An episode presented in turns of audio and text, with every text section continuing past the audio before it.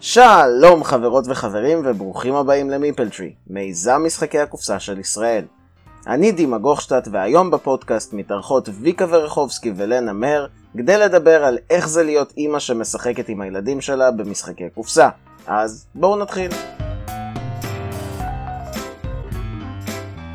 אהלן חברות, איזה כיף שהצטרפתם אלינו היום. היום אנחנו עושים ספיישל חלק ב' של הורים, והפעם אנחנו נראה את הכיוון של אימהות שמשחקות עם הילדים שלהם.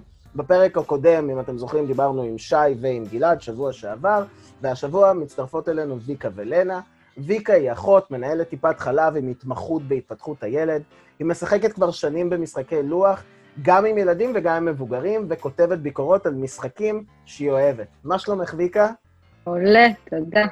ולנה היא צורפת ומעצבת תכשיטים. מעולה, תודה. היא התחילה לשחק כשהיא יצרה משחקים יחד עם הבן שלה, עוד כשהיה בן שנתיים וחצי, עוד מעט אחר כך תספרי לנו על זה קצת, ומשם הדרך הייתה קלה לשחק ולשחק ולא להפסיק, והיום יש לה קבוצה שהיא מנהלת בפייסבוק על משחקים, שמדי פעם מתארגנות פגישות, נכון, לנה? נכון. אז מה שלומך? בסדר, תודה. כיף להיות כאן. איזה כיף, איזה כיף. אז קודם כל, כמו שאמרתי, אני מאוד שמח שהצטרפתם. זה לא מובן מאליו שהסכמתם והסכמתן והצטרפתן אה, לשידור כדי לספר לנו איך אתן משחקות עם הילדים שלכם. אז כדי באמת להתחיל, אני חושב שזה הרגע שתספרו לנו קצת על הילדים שלכם. נתחיל ממך, לנה? יש לי ילד אחד, הכוכב, בן 11, קוראים לו מרק. הוא הכוכב, אין יותר מה להוסיף. הוא הכוכב, אוקיי, מגניב, וויקה? לי יש שני ילדים, בן אה, שמונה, עוד מעט תשע, וילדה בת 12. שניהם משחקים מגיל ממש ממש קטן, בכל מיני משחקים, ובטח תכף נדבר על זה.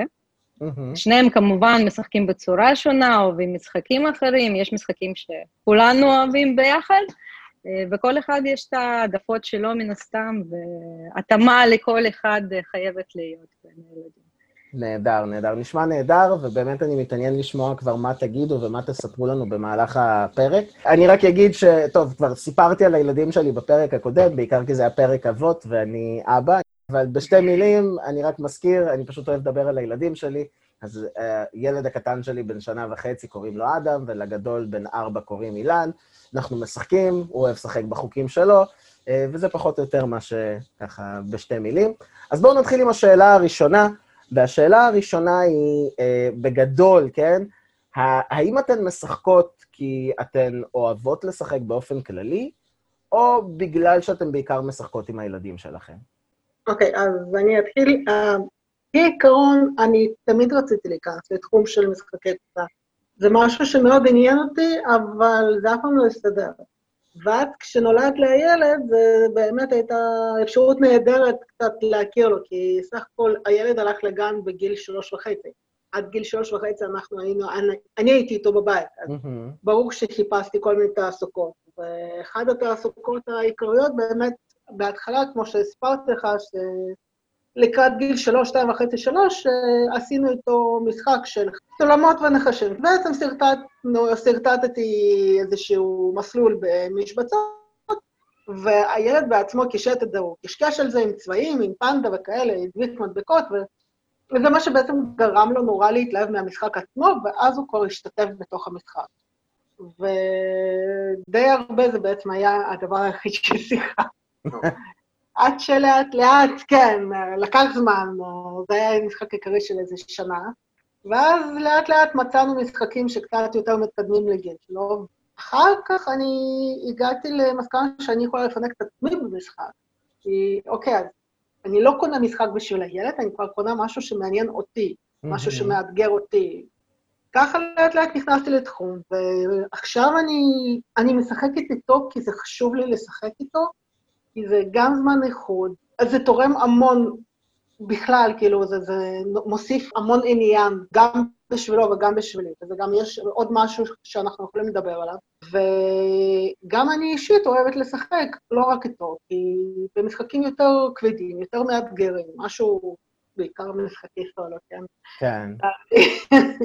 אבל זהו, איך שזה גם וגם, אי אפשר להגיד שזה רק בגללו, או רק בגללי, זה שני תחומים שהולכים במקביל. איזה יופי. מגניב, מעולה. גם קצת ככה נגעת בש... במה שאנחנו נדבר בשאלה השנייה. נהדר, תודה רבה. ויקה? אני אה, אהבתי לשחק, אה, נראה לי, מהילדות שלי, ופשוט, אה, כמו שאימא שלי אומרת, פשוט לא הספקתי לגדול. ונשארתי עם המשחקים. נורא, האמת שגיליתי די מאוחר שיש משחקים למבוגרים. Uh, בהתחלה הייתי מאוד, כאילו, חיכיתי שילדים קצת יגדלו, שאני אוכל כבר לשחק איתם. Uh, עכשיו אתה יכול לשמוע בבית uh, צעקות של בעלי, יאללה, שמישהו ישחק כבר עם אימא.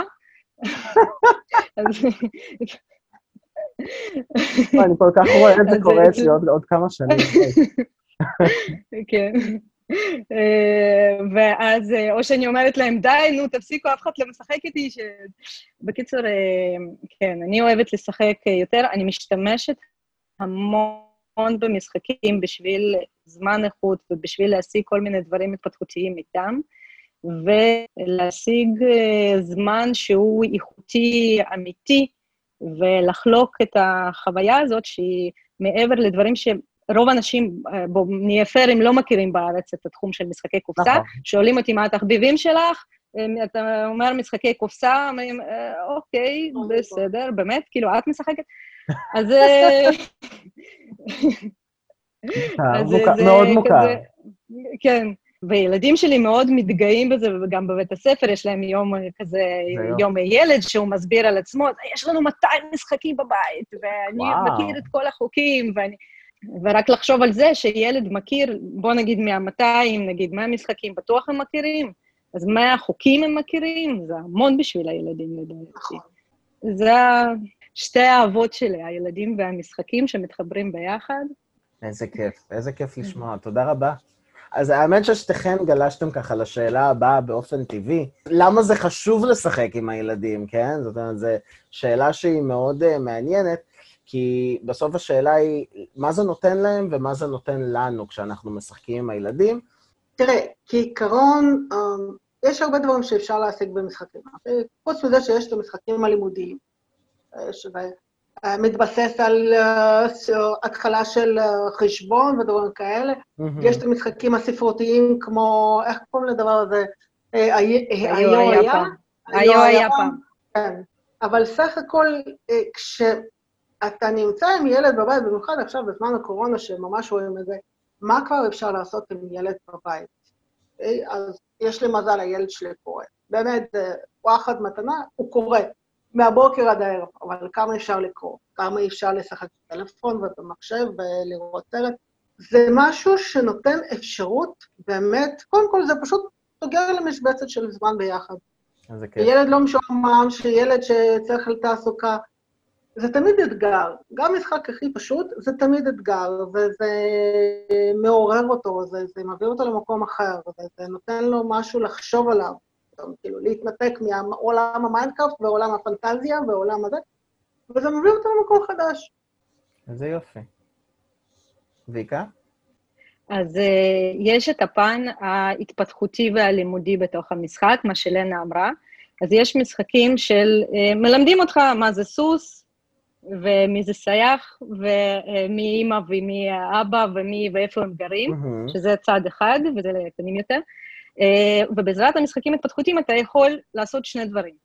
אחד, מה שאימהות בדרך כלל נוטות, זה מה, איפה הילד שלי חלש, נגיד בחשבון, בוא נקנה לו משחק בחשבון.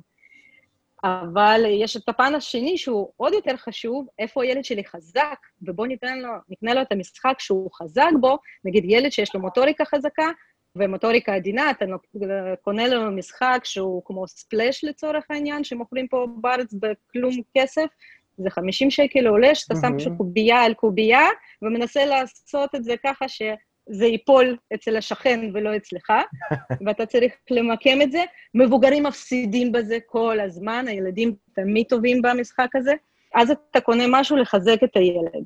או שאתה לא קונה משהו שהוא בתחום, נגיד, אה, משחק של היו היה פעם, שהוא משחק סיפורי יותר, ויש שם תמונות ואתה מספר סיפור, והילד שהוא מקשה לדבר, או קשה לו לדבר, או קשה לו לבנות סיפורים, אז אתה פשוט משחק איתו, שם קלף אחרי קלף אחרי קלף אחרי קלף, ואז יוצא לך סיפור.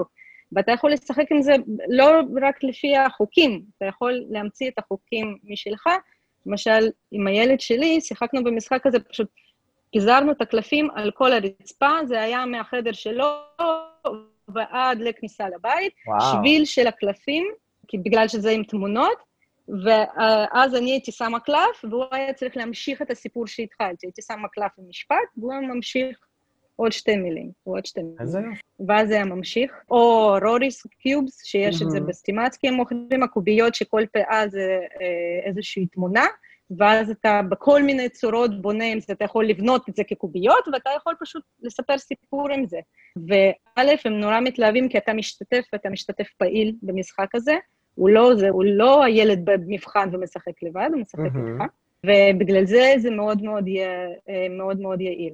עכשיו, בכלל, כל התחום של הלימודים, אה, יודעים היום שהלימוד הכי טוב זה, בשביל המבוגרים, זה דרך מעשה, כשהם. עושים משהו הם לומדים טוב יותר, וילדים כשהם משחקים במשהו הם עושים טוב יותר. אז כל הלמידה, כל תחום שילד חלש בו, או חזק בו ואתה רוצה לחזק, לכל תחום אתה יכול למצוא משחק היום, כמה אנחנו, 100 אלף משחקים בעולם, אם לא יותר, אפשר למצוא לכל תחום, וזה תחום מאוד מאוד רחב, כי ספר אתה לא תמיד מוצא בכל תחום, אני חייבת להודות. זה- משחק אתה זה יכול רגיש. למצוא יותר. לא, לא. לא, נכון. יותר ספר, אני. אני, מס, אני לא מסכים לגמרי ש... לגיל, לא, לגיל, לגיל ספציפי, אתה. צריך להיות ממש, ב... לגיל ספציפי אתה צריך להיות ממש בקיא בכל הנושא של הספרות, להתאים בדיוק, בדיוק, בדיוק נכון, את המשחק, נכון. לא משנה איך הוא בנוי ומה ההוראות, אתה יכול לתקן אותו ולהתאים אותו למה שמתאים לכם יותר, שזה יתרון מאוד חשוב לדעתי. עוד משהו שמאוד אה, חשוב לי להגיד, יש משפט מאוד מאוד, אה, שאני נורא מתחברת אליו, ילד לא יבוא אליך ויגיד, תקשיב, היה לי יום קשה, אתה יכול לשבת לדבר איתי שנייה? ילד יבוא אליך ויגיד, אבא, אתה יכול לשחק איתי? נכון. פה הנקודה שלנו לתפוס אותו. כי דרך המשחק אתה יכול לגלות הכל. הכל, הכל, הכל, הכל. אתה יכול לראות איך הוא מתמודד עם התסכולים, אתה יכול לראות איך הוא מתמודד עם הניצחון, אתה יכול לראות איך הוא מתמודד עם הפסד, אתה יכול לראות איך הוא מתייחס לשאר החברים, אתה יכול להבין את הקליטה שלו של החוקים או של הוראות שלך, אם הוא מבין או הוא לא מבין את ההוראות. וואו. אתה יכול לראות איך הוא מתנהג בתוך חברה של השחקנים. אה, סתם דוגמה, יש את המשחק שיש אותו גם בארץ, תרגמו אותו לא מזמן לדעתי, הסבתור, כן. משחק של קלפים על הגמדים, אה, שאתם בונים בעצם, כאילו כולם ביחד, אתם בונים אה, מבוך בתוך המנהרה, ואתם צריכים להגיע לאוצר, ויש לך את הגמדים הטובים, ויש את הגמדים הרעים שמנסים לקלקל לך. ואז אתה לא יודע מי זה מי. מה שהיה אצלנו למשל, היה מאוד יפה לראות, יש לנו אה, חברים בקבוצה של הילדים, לראות איך הילדים מסתדרים ביניהם, כי ילד אחד, לא משנה איזה תפקיד הוא היה מקבל, והם מקבלים את זה אקראית, אבל אף אחד לא יודע מי טוב ומי לא טוב. הוא ניסה תמיד לקלקל להם את המבוך, אפילו אם הוא היה הגמד הטוב. וזה היה הכיף שלו, הוא פשוט היה נהנה, מ... זה לא משנה, אני מפסיד או מנצח, אני רוצה לקלקל ולראות איך אתם נופלים ולא מקבלים כלום. אני חייבת להכיר את הילד הזה. יש כאלה, יש לגמרי כאלה. וזה ממש יפה, כי אתה רואה ממש את האופי שבא לידי ביטוי בכל מיני דברים, ולמה הוא עושה את זה, ולמה זה מעניין אותו, ומה כיף לו בזה, זה שהוא מצליח והוא משפיע על כולם, או זה שהוא מקלקל משהו, תלוי מה, ואז אתה יכול ללמוד אה, איך הילד מתמודד עם הדברים. במשחקים סיפוריים יוצאים כל מיני סיפורים שהם חוו במהלך היום, ואז יוצא. לך תוך כדי סיפור, שגם פה זה מאוד מאוד מעניין. וילדים שהם מתקשים מאוד להתמודד עם התסכול ועם הכישלון, אז יש מבחר של משחקים קואופרטיביים. גם אחד החבר'ה אמר, בטוח יהיה איזשהו משחק שכולם אה, משחקים עם הילדים. מהמם. יש את הפנדמיה, יש את האי הנעלם. אנחנו מאוד מאוד אה, משחקים היום את הרעש MD, זה משחק שהוא מאוד מאוד אקטואלי עם ה... אוי, לגמרי. יש גם קיצ'ן, קיצ'ן ראש. יש קיצ'ן ראש שהוא קצת יותר קשה, קצת יותר מורכב. אוקיי. אה, פה במשחק הזה זה עולם הרפואה, שאתה מגלם את הרופאים והאחיות. אני חייבת וואו. להגיד שזה מאוד מאוד אמיתי מהשטח, אני מודה. הוא מאוד מאוד אמיתי, ואתם עובדים, ארבע דקות יש לך לטפל ב-X מטופלים. והם יכולים למות לך בסוף, ואז אתה שומע את הקולות, אמא, הרגת אותו, למה נתת אותו לכדור? תעזרו לי, תעזרו לי. זה, תעזרו לי, יש לי פה סבתא שצריכה עירוי. יש פה משהו, וואו. משהו אדיר. כן, ואז כולם עובדים ביחד, וכל אחד צריך לקחת תפקיד, לבקש עזרה מאחר, למצוא מי כרגע פנוי לתת לך עזרה, ולראות איך אחרים מתמודדים. ופה גם החלק הנוסף שבה, הם רואים אותך, הם לומדים ממך. מה אתה עושה? אתה הפסדת, איך אתה התנהגת? מישהו שם לך רגל בתוך המשחק, איך התנהגת, איך הגבת, מה אמרת? האם אה, עשית אותו דבר, או יצאת גיבור אחר כך, או מה עשית? בכית בסוף כשהפסדת? אה, היה אז לך- הם, היה אה, לך הם שהפסדת בודקים אותך כל. הזמן, מסתכלים. לא, זה מאוד נכון שהילדים כל הזמן בוחנים אותך, כל הזמן בוחנים אותך, ואנחנו, אמ, הרי פעם אה, ילדים נהיו בוגרים הרבה יותר מהר מאשר היום. נכון. אוקיי? הסיבה לזה, כי הקרבה שלהם להורים, לצערי, הייתה הרבה יותר גדולה פעם מאשר היום. למה? כי תחשבו על זה שרוב האנשים בעבר, אני מורה להיסטוריה בכל זאת, עבדו באיזה ביזנס אה, משפחתי, והילד היה מגיל צעיר לומד מה ההחלטות שההורים עושים במהלך העבודה או במהלך היום שלהם, כי הוא היה ממש צמוד אליהם, והוא באמת היה לומד את הקטע הזה.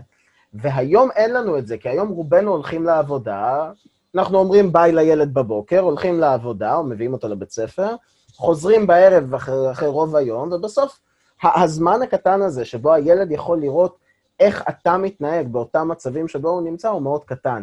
ובגלל זה אני חושב שמשחקים הם דבר נהדר, כמו שאמרת, כי זה הרגע שבו אתה יכול להיות באותו גובה העיניים עם הילד, והוא באמת יכול לראות אותך כאמיתי ולא רק כאבא או כאימא. נכון. מה שרציתי נכון להגיד. קודם, אגב, דיברת על למידה וכיף תוך כדי למידה. האמת שהייתי בהרצאה, אה, אני מהמשוגעים האלה שמדי פעם גם טסים להרצאות, והייתי בהרצאה בגרמניה שקשורה למשחקים. מי שעשה את ההרצאה הזאת, הבא, שזו חברת משחקים מאוד מאוד ידועה מחו"ל. אה, שלצערי המשחקים שלהם כמעט ולא מגיעים לארץ, נכון. כי הם מאוד יקרים, אבל אלה משחקים שמאוד מותאמים נכון. לילדים, ומי שהעביר את ההרצאה היה המנהל החינוכי של הבא.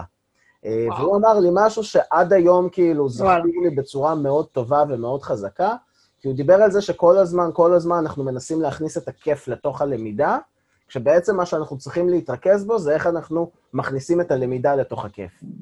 יפה. בתוך הכיף, נכון. כן, ו- ו- ומאז זה כאילו משהו שהוא מוביל אותי תמיד, כשאני מדבר על, עליי כהורה, עליי כמחנך, עליי כמורה בתקופה מסוימת, אבל זה משהו שמאוד מוביל אותי, ובגלל זה אני מאוד מתחבר uh, לדברים.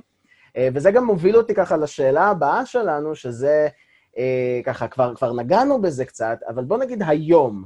לא איך שבעבר, איך שזה התגלגל, אלא היום. היום, זאת אומרת, בגילאים שהילדים היום, ב- בתקופה האחרונה, יש איזה דגשים מיוחדים שאתן שמות בזמן שאתן משחקות עם הילדים, או, ש- או שיותר אה, משחקים? הכוונה היא מבחינתי, אוקיי, מבחינת חינוך, מבחינת תחרותיות, מבחינת שיתופיות. בפרק הקודם, לדוגמה, גלעד סיפר שבמשחק דיסנט, אז הרבה פעמים הוא משחק כמנהל המבוך, ואז נותן לעצמו להפסיד, כדי שהילדים ירגישו שכאילו אנחנו משתפים פעולה וקוראים את אבא. יפה. אה, כן, בדיוק, משהו כזה מעניין. אז האם יש משהו כזה גם אצלכן? אני חייבת להגיד שכרגע, דווקא עכשיו, אה, שהוא כבר אחרי גיל 11, זה כבר לא חוויה לימודית ולא חינוכית ולא כלום, כרגע זה פשוט, אם כבר משחקים, שזה לא קורה הרבה לצערי, אז משחקים בשביל הכיף. Uh, כמובן שאני פשוט, כל, כל עוד הוא מסכים לשחק משחק כלשהו, וואו. כי שוב, היינו מאוד חזקים בתחום, כאילו ממש ממש, לח... כל הזמן שיחקנו ושיחקנו ושיחקנו ושיחקנו, ואז ברגע כלשהו, איפשהו בערך חצי שנה, שנה האחרונים, זה פשוט ירד למקסימום משחק בשבוע, שני משחקים בשבוע. זה נורא מבאס אותי. Uh, יש לזה את כל הסיבות, וזה בסדר, ואני מקווה שאנחנו נחזור למה שהיה פעם, אבל כרגע אנחנו כמעט ולא משחקים. ואם כבר אנחנו משחקים, אני פשוט שמחה שזה מסתדר. יש איזה דגש אבל שאת שמה כשאת משחקת חוץ? נאדה, נאדה, רק שיחקנו, יש, איזה כיף ששיחקנו. איזה, זה, זה דגש נהדר, אגב. זה לגמרי דגש נהדר. זה. לשחק בשביל המשחק. לדעתי זה כאילו בסוף כשאנחנו שואלים את עצמנו למה אנחנו משחקים עם קבוצות מבוגרים, שאנחנו משחקים כי זה כיף לנו. כן, ברור. אין מצב שאנחנו עושים, שאני עושה פעילות כלשהי עם הילד שלי, אם זה יהיה משהו שאני לא נהנית ממנו, שאני לא אוהבת אותו, הילד רואה את זה עליי. נכון. הוא פשוט רואה את זה עליי. כאילו, אי אפשר להעמיד פנים פה 24 שעות. מתישהו כבר האופי האמיתי יוצא החוצה. זה נכון. בגלל זה אני גם לא, לא מנסה לעשות שום דבר שלי לא בא, אבל תמיד, מס... כאילו, אני כן באה לקראתו בדברים שהוא בוחר, אבל uh, אם אנחנו כבר עושים משהו, זה חייב להיות משהו שכיף גם לי וגם לו. בהחלט. ויקה, מה איתך? אני קראתי מלא מחקרים על הנושא, באמת חקרתי את הנושא, כי רציתי להוציא את המקסימום ממה שאנחנו עושים.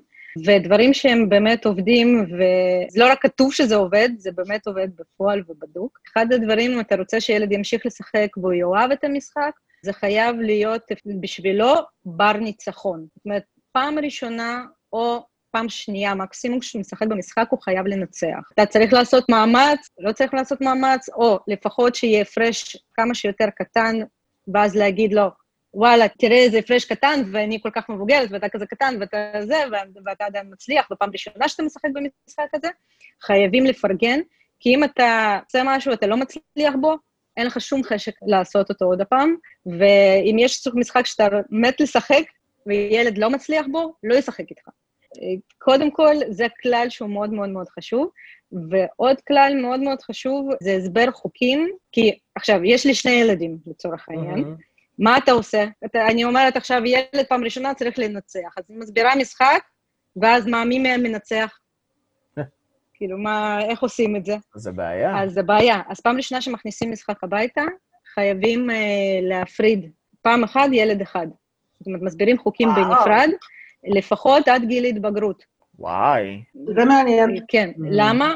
כי א', אתה יכול ללכת אה, עם, בקצב שלו עם ההסבר, והוא יכול להבין את זה. אתה יכול לתת לו טיפים בזמן המשחק, להתרכז במשחק של ילד אחד ולתת לו טיפים, או להתנהג בצורה שיהיה לו יותר קל להבין ולהשתדרג במשחק, וזה הרבה יותר יעיל. ואז כשהם משחקים כבר פעם, פעמיים לבד מולך, אז לשחק את זה משפחתית עם כולם, כשכל אחד כבר יש לו איזושהי אסטרטגיה והבנה של המשחק, ואז הם שווים מבחינת התחרותיות.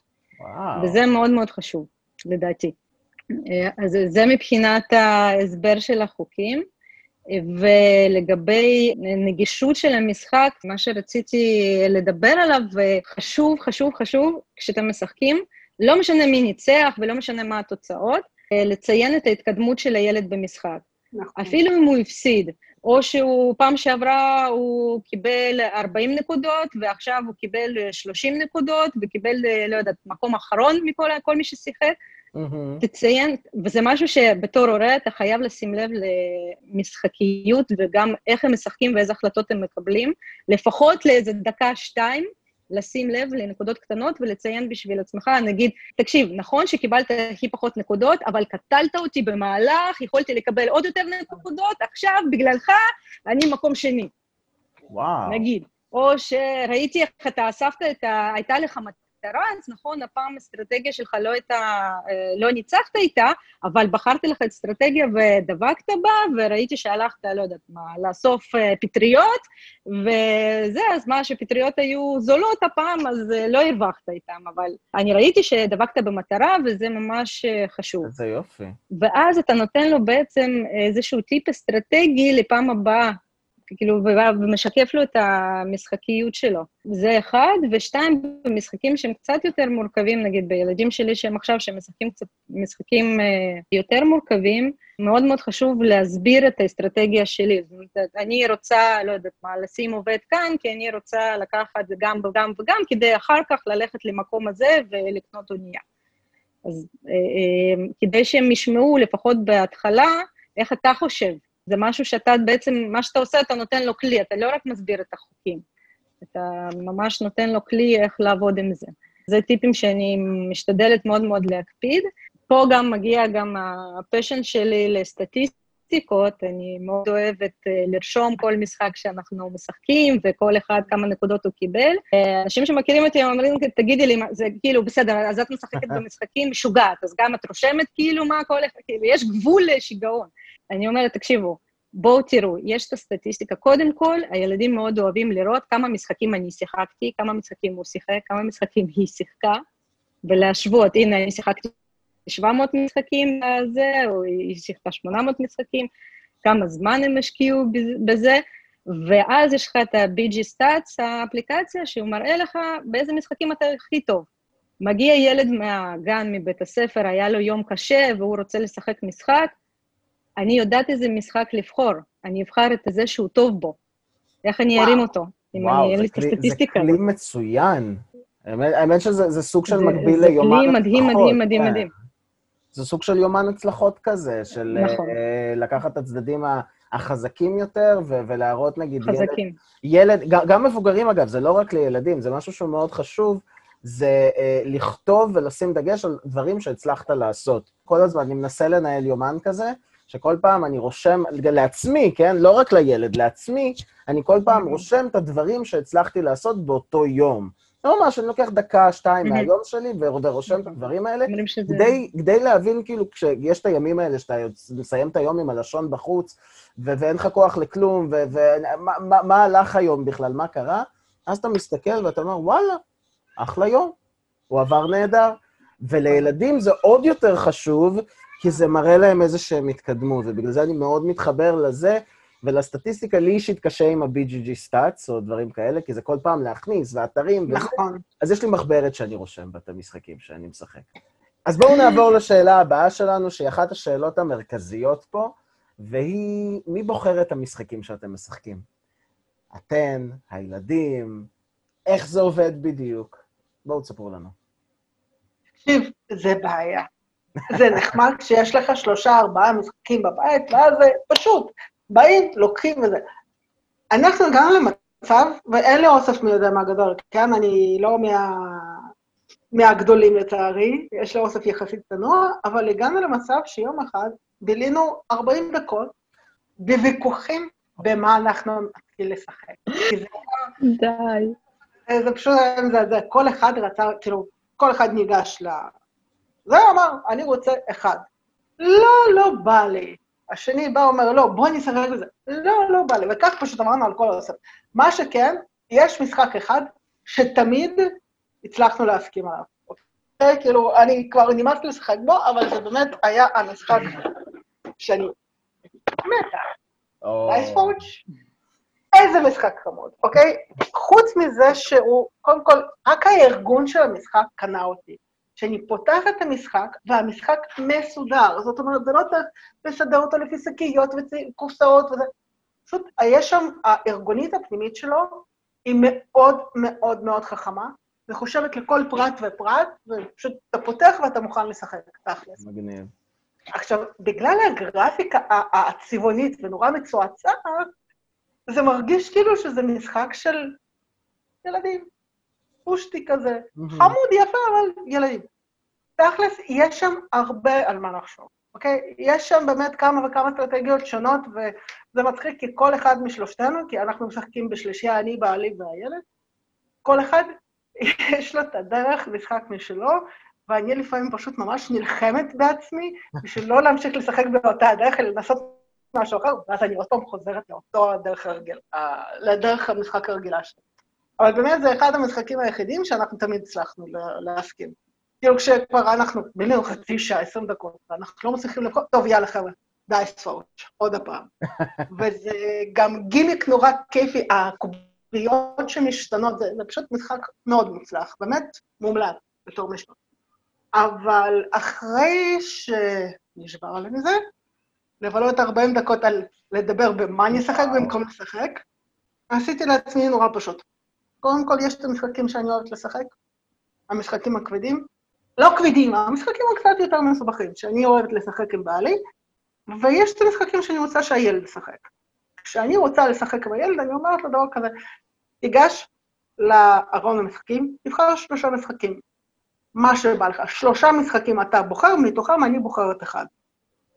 ואז אז זה בדרך כלל או בוזזים, או מנצ'קין, או עוד משהו. אבל, כן, אבל בדרך כלל, בזמן האחרון אנחנו חורשים על בוזזים, שזה אוי, ממש חמוד. קטן, חמוד, מצחיק, באמת מצחיק. הכתוביות שם, ההגדרות של כל דמות, פשוט בהתחלה, כשרק התחלנו לשחק בו, זה התחיל בקטע ש... כל משחק אנחנו פשוט ישבנו וקראנו את הכתוביות של הקלפים ונשפכנו בצחוק. הילד מתלהב. ואותו דבר, דרך אגב, גם על מנשקין, הוא נורא אוהב את הפן הזה של הצחוקים בכל המשחק. זו השיטה עכשיו. השיטה עכשיו זה שהוא בוחר שלושה משחקים, ומתוכם אני בוחרת אחד. אה, אז אצלנו, בגלל שזה שניים, אז אה, פי שניים יותר קשה. כי, כי זה, אה, בעלי הוא מקבל הכל, אין בעיה, הוא רק מיסטריום, הוא מנסה לא לשחק אם הוא, יש לו את האפשרות, כי uh, בכל מקרה, בן אדם שהוא uh, מהנדס, מאוד קשה לחשוב מה אחר חשב כשהוא אמר את מה שהוא אמר, ואז זה מסתבך אותו מאוד, אבל uh, בעלי זורם. עכשיו, אני ושני הילדים זה שלוש דעות. אז זה קצת יותר קשה.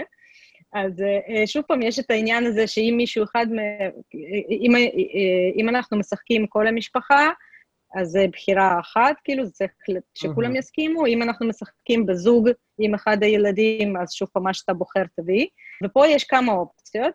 אחד, אם נגיד אה, אנחנו משחקים עם שני ילדים, ואז כל אחד רוצה משהו אחר, אז פשוט לוקחים את שני המשחקים, כי תמיד כיף לשחק בשניים, אם יש אופציה. הוא מביא את מה שהוא רוצה, היא מביאה את מה שהיא רוצה, מטילים קובייה איזה משחק משחקים קודם, ווואלה, זורמים. אופציה נוספת שיש לנו, יש לי את ה... שוב פעם, באותה אפליקציה של הסטטיסטיקות, יש לי את האתגר השנתי שלי של לשחק לפחות משחק אחד של, מכל המשחקים שיש באוסף, ויש קרוב ל-200. זה וואחד אתגר.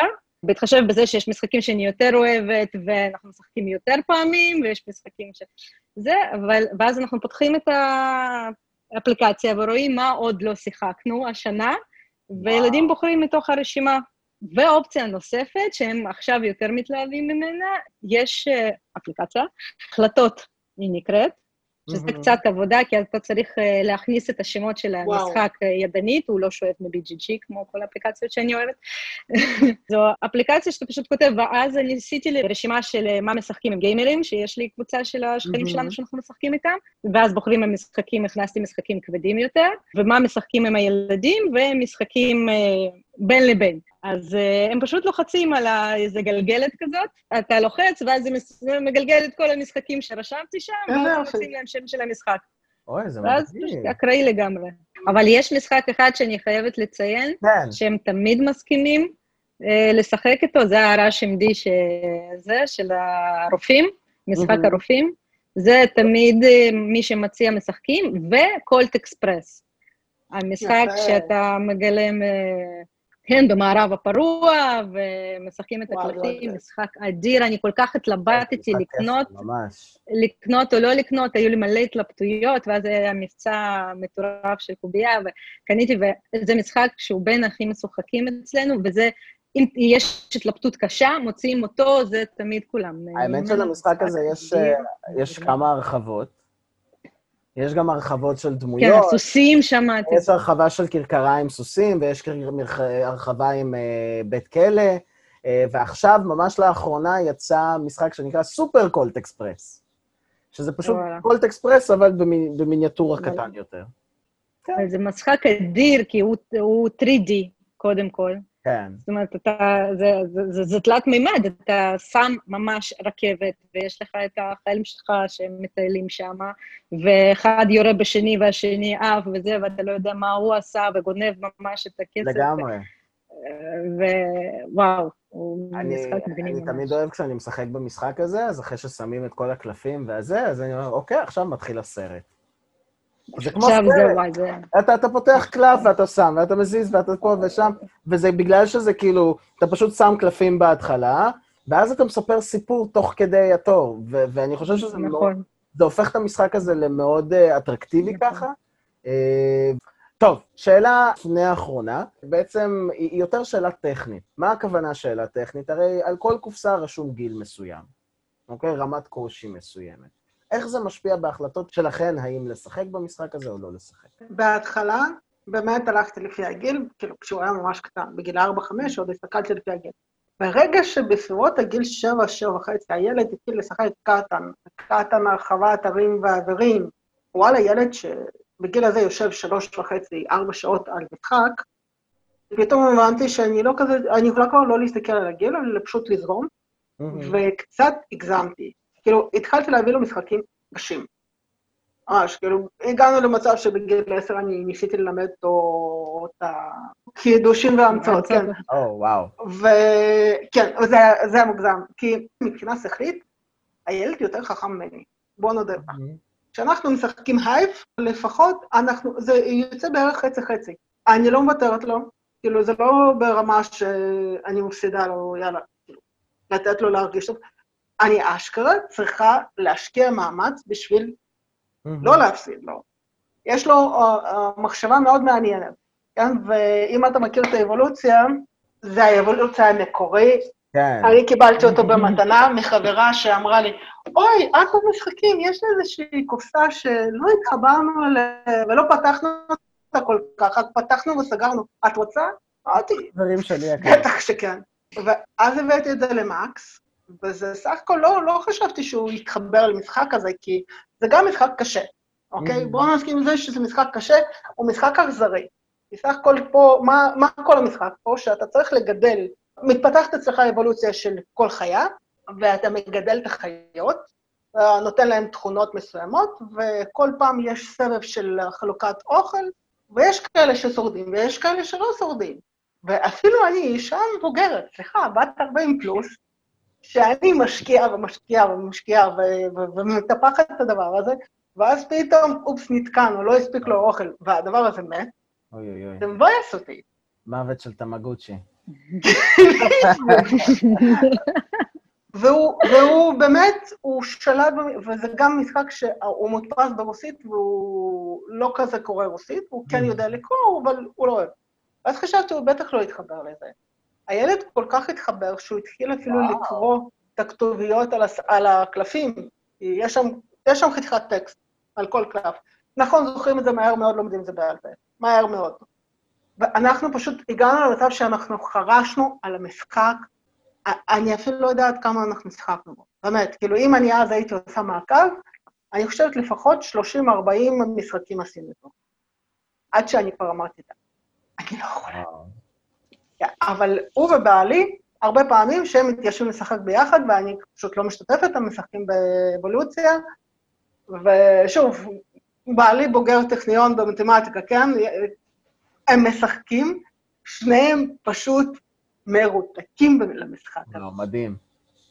כן, אז כן, זה, כן הייתי נותנת לו משחקים שהם קשים, ומעבר ליכולות, כאילו, מעבר לרמת הגיל שלו, אבל נכון לעכשיו אני חושבת שזה לא היה כזה חכם.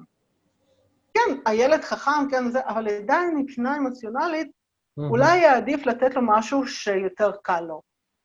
אוקיי. Okay. גם כך, לא בגלל שהוא מפסיד או מנצח, אלא בגלל כמות המאמץ שהוא היה משקיע במשחק. באמת, שוב, מבחינת שכל, הכל סבבה, כן, בואו נדחוף את זה. אבל לפעמים אני פתאום רואה הרבה משחקים היותר פשוטים, שאני בזמנו לא לקחתי כי חשבתי שזה פשוט מדי, ועכשיו אני מבינה שזה פספוס. כי אלה משחקים מאוד כיפים, עכשיו כבר לא מעניין לשחק אותם, הוא כבר בגיל שעבר את זה. את המשחקים, אתה יודע מה, זה כמו בספרים, אומרים הרבה פעמים, אה, יש את האמהות שילד בגיל שלוש, והם כבר קראו לו את כל ה... לא יודעת, את כל הטולקין ופושקין ולא יודעת מה. כן, כן. ובעצם הם מוותרים על ההנאה של הסיפורים הפשוטים יותר, המותאמים יותר לקבוצת הגיל. אז גם במשחקים אותו דבר.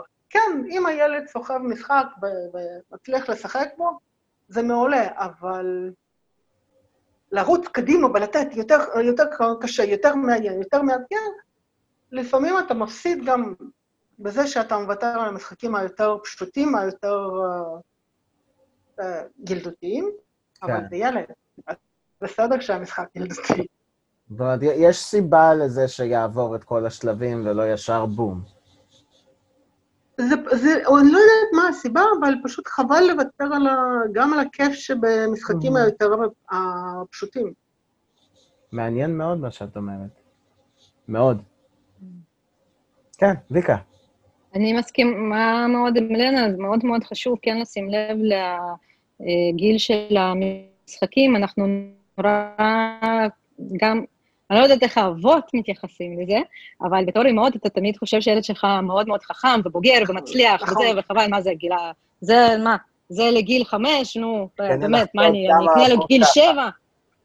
אה, גיל שבע בקלות הוא לוקח, שטויות, ובעצם אנחנו שמים להם אה, רף שהוא לא פייר.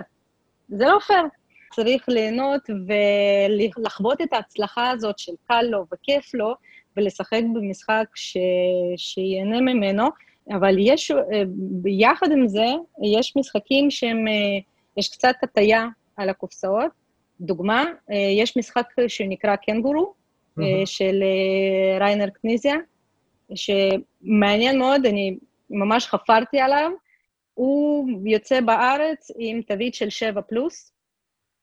והוא מאוד מאוד מאוד מאוד פשוט. אה, BGG וגם ריינר קניזיה עצמו נתן לו 4 פלוס. אה, וואו, וואו. זה הבדל ענק. עכשיו, הוא פרופסור למתמטיקה, בסדר. עכשיו, זה הבדל ענק. עכשיו, אין לך כלום במשחק הזה. אה, אתה זורק קלף באותו צבע ולוקח קנגורו באותו צבע. אז אין פה איזושהי מחשבה מאוד מאוד מאוד עמוקה, ובהחלט ילדים בני חמש יכולים לשחק עם זה, אה, את זה בקלות. אז זו דוגמה, למשל, שהגיל על הקופסה לא מותאם, ואני מאוד מאוד בעד שלפני שקונים את המשחק, לבדוק עליו ולבדוק עד כמה זה מתאים לילד ספציפי. חשוב, כן. שיש לך בבית, עד כמה, כמו שלנה אמרה על אבולוציה, שאם ילד לא ישרוד את זה שיהרגו לו את החיה, חבל להביא משחק כזה הביתה, לא משנה באיזה גיל, זאת אומרת, עד שהוא לא עובר את התקופה הזאת. אבל אה, מבחינת הגילאים, אני כן בעד לשים לב מה כתוב על הקופסה. יחד עם זאת, אני חוזרת, סליחה איתכם, על אותו Rush MD, מהמם. אה, על אותו משחק, הוא 14 פלוס לצורך העניין. וואו. וילד שלי שהוא בן שמונה, מתפקד פיקס מעולה. אה, בוא נגיד שגם הוא תפס את הנישה של רופא מיון, והוא מתפקד שם הרבה יותר טוב מבעלי שתפקד שם והרג שם אה, מלא מלא חולים. איתו בתפקיד הזה הוא מנצח לגמרי כל הזמן. וזאת אומרת, זה גם בכיוון אחר, זה לא שום... לגמרי. ולפעמים כשאני מתלבטת, אם זה יתאים או לא יתאים, אז אה, אני יכולה להגיד לו, תקשיב, אה, או לה, אה, על המשחק כתוב 14 פלוס, או 12 פלוס, או 10 פלוס, תראה, אתה בן שמונה, אני אנסה להסביר לך חוקים, אם יהיה לך קשה, או יראה לך שזה לא מתאים, תעצור אותי, אנחנו נעבור, ברוך השם, יש מלא אה, משחקים. זה יפה, זה ממש יפה. כן, זה אה, דרך אגב, ואז- זה משהו שגם. אצלנו, אני מקפידה להגיד לו, תקשיב, מקס, זה משחק כבד, אוקיי? זה משחק קשה, זה משחק מאוד רציני, שדורש זמן וכוח ומחשבה ולא יודעת מה, כאילו, אם לא בא לך לשחק, אם אתה רואה שזה לא, לא מתחבר, תגיד, נחליף משחק. כאילו, זה... ויקה אמרה את זה ממש יפה. לגמרי. עכשיו, תחשבו איזה כיף, איזה כיף לו, כשהוא כן מצליח לשחק, נכון. ורשום שם נכון. 14 פלוס, וואו, והוא בן. שמונה. לגמרי. זה- זה וואו. בוסט לביטחון העצמי ועוד נכון. דברים, לגמרי. וואו, טוב, חברות, המון המון המון המון תודה, אבל לפני שאנחנו מסיימים, יש לי עוד שאלה אחת. אה, והשאלה השישית, שככה כבר דיברתי עליה וקצת אה, ככה הכנתי אתכן אליה, היא לא, היא לא כזאת מסובכת, אבל היא מאוד מעניינת, ואני חושב שהרבה מאיתנו אה, עובדי עצות בנוגע הזה. והשאלה היא, איך מלמדים חוקים לילדים? וואו, אה, כמו שאתה מלמד חוקים למבוגרים. קודם כל, כל משחק זה חפירות. אני מצטער, זה חפירות, זה, זה, זה לקרוא את החוקים, זה להבין מה שקראת. רגע, שנייה. המילים כולן מוכרות, אבל ביחד הטקסט קשה. אוקיי. ואז אני חופרת על החוקים באנגלית, בעלי חופר על החוקים ברוסית. אחר כך אנחנו יושבים ומתחילים להסביר אחד לשני. אה, כן, יש לנו את הפריבילגיה של שלוש שפות בבית, אז זה עוזר. אה, בסך הכל אנחנו פשוט, כמו שבעלי מסביר לי, או אני מסבירה לבעלי, ככה אנחנו מסבירים גם לילד. שלב שלב. קוראים ביחד, קוראים בקול, אם משהו לא מובן, או אם יש איזושה- איזושהי סוגיה, שזה משהו שנתקלנו בקטן המון. כי בקטן יש חוברת חוקים, ואז לדעתי הם צריכים להוציא עוד חוברת של יוצא דופן של החוקים. כי כל פעם יש שם איזושהי סיטואציה שאין לה מענה, ואז צריך ללכת לאתר הראש, הראשי ולחפש שם. נכון. אז כמו שהתהליך שאני אישית עוברת בעצמי, או עם בעלי, כך גם איתו. אין, אני לא, לא רואה פה דרך מיוחדת, אה, אולי קיימת, אבל אני פשוט לא מודעת אליה, אבל סך הכל, רגיל. יפה. ויקה? כלל מאוד חשוב, לדעתי, בהסבר של החוקים, זה קודם כל, אתה צריך להבין את החוקים בעצמך מעולה. ואתה חייב, חייב, חייב לפחות פעמיים לשחק, או עם בן זוג, או עם מישהו מבוגר אחר, עם עצמך בסולו, וכאילו לגלם שתי דמויות. מהמם. אתה חייב להבין איך המשחק הזה עובד, ואם יש איזה שהן שאלות כאלה קטנות, לא להתחיל לחפש באמצע בחוקים, כי ילדים מאבדים סבלנות ככה. אם אתה לא בטוח, ילדים מאבדים את זה. אתה צריך לדעת בפירוש, ולא להיכנס לפרטים הקטנים, להסביר את זה בגדול, ומאוד מאוד מאוד חשוב להדגים. זאת אומרת, אתה לוקח את החייל, אז אתה פיזית לוקח את החייל ושם את זה. אם אתם הולכים לנקודה הזאת, אז אתה לוקח את החייל ושם את זה לנקודה הספציפית הזאת, ומראה להם פיזית מה קורה, ואז הם לומדים את זה אה, יותר מהר. מאוד מאוד חשוב להתייחס לשאלות, כי נגיד, זה מאוד שונה, זה מעניין שדיברנו גם על זה בפרק של נשים מול גברים, איך הם אה, משחקים מהמם. במשחקים. גברים תמיד שואלים יותר שאלות מאשר נשים, תמיד שואלים יותר, אני רואה בן ובת, הוא שואל תמיד יותר שאלות בהסבר של החוקים. היא פחות, היא יותר זורמת. אה, יאללה, בואי נשחק פה על בנושא- הדרך כבר נראה. ננסה, כן, וכבר נברר, נראה מה הדמות הכי יפה, אני, אה, אני אקח אותה, ואז אנחנו נעלה. ולמשל, סתם דוגמה, יש את הצ'רטרסטון, אה, לקחתי את האתגר, החלטנו שאנחנו משחקים את המשחק הזה בבית ובונים את המפה שלנו, של המשפחה שלנו, איך. שאנחנו נרצה שזה יהיה, וחשבתי שהם נורא נורא התלהבו. אה, לבן שלי יותר קל, הוא גם ניצח אותנו, שלושת המשחקים הראשונים עברנו את שלושת הסצנריות הראשונים, הוא, שיח... הוא פשוט ניצח אותנו בהפרש נקודות מטורף, אה, ולה מאוד מאוד מאוד קשה עם זה שאנחנו לא יודעים עד הסוף את החוקים, ולא מכירים, וכל פעם יוצא איזשהו משהו חדש. נורא קשה לה עם זה. אז כנראה פה יש גם אה, עניין של אה, אישיות של הילד, אה. אבל, אבל גם פה הנושא הוא קריטי לדעתי, שאתה תדע בפירוש מה אתה עושה ותדגים, ותוכל גם להכיל את השאלות ולתת להם מענה, מענה מיידי, ולא לא להיכנס לפרטים, צריך בגדול. עכשיו, יש גם חוקים שאפשר להגמיש, למשל Ticket to Ride, מהמם. אה, בהתחלה יש לנו את הדגם של אירופה, שיש שם, אה, אתה, אתה שם אה, רכבות לפי צבעים, אבל יש לך גם קלפים של המסלולים. אני פשוט הורדתי את המסלולים. אז פעמיים ראשונות פשוט שיחקנו בלי מסלולים, רק שמנו רכבות וספרנו את הנקודות לפי יפה. הרכבות. כשהם כבר אה, הכירו את המנגנון, לפשט- את המשחק לפעמים, לפשט את המשחק. הם הכירו את המנגנון, ואז הם אמרו, אה, ואז אמרתי להם, יאללה, רוצים קצת להתקדם? יש פה עוד טריק אחד. ואז הראיתי להם את, ה, אה, את המסלולים. ואז הם כבר הכירו את המשחק, אז זה היה מידע כיפי כבר, זה כאילו, וואלה, בואו נשדרג את זה. מגניב. ואז זה היה יותר קל. זה רעיון ממש מגניב.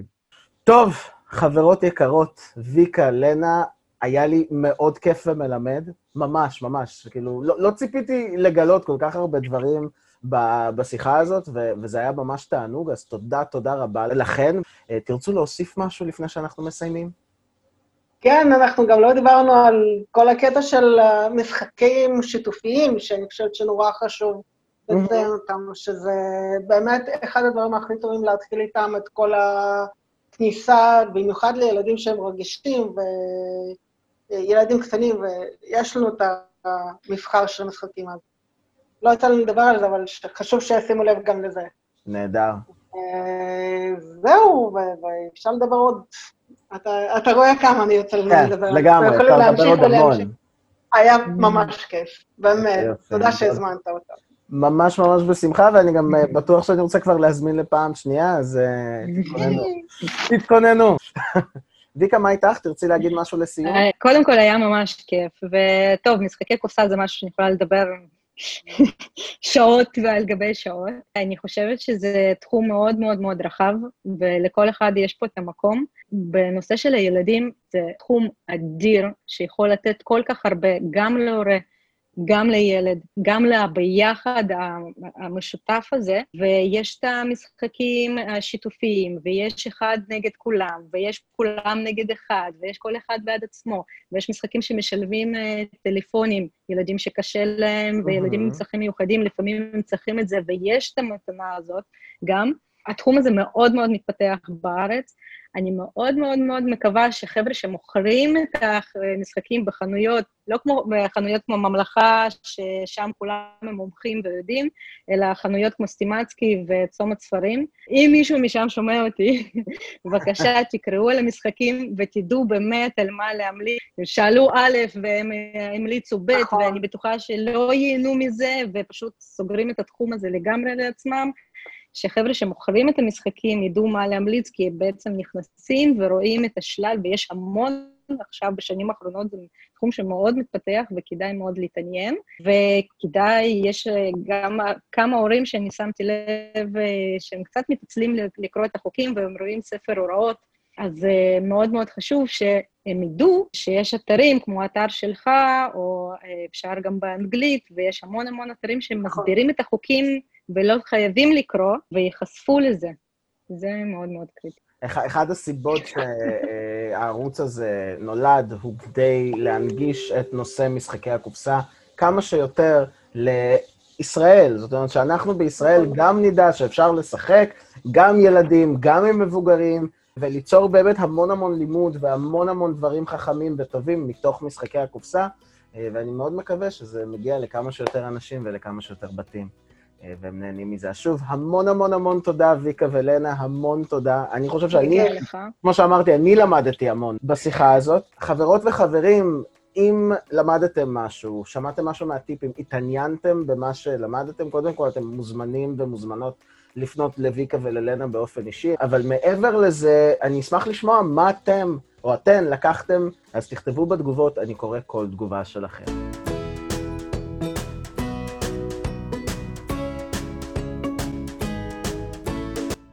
ושוב, תודה רבה לויקה וללנה, ששיתפו אותנו היום באיך זה להיות אימא שמשחקת במשחקי קופסה עם הילדים שלה. ותודה רבה לכם ולכן, מאזינות ומאזינים. אנחנו מעריכים את זה מאוד. מוזמנים לבקר בערוץ היוטיוב שלנו, בדף הפייסבוק וגם באינסטגרם, כדי לגלות עולם שלם של משחקים שרק מחכים שישחקו בהם. אז עד הפעם הבאה, אני הייתי דימה גוכשטט, מיפל טרי פודקאסט, תהנו מלא, ויאללה ביי!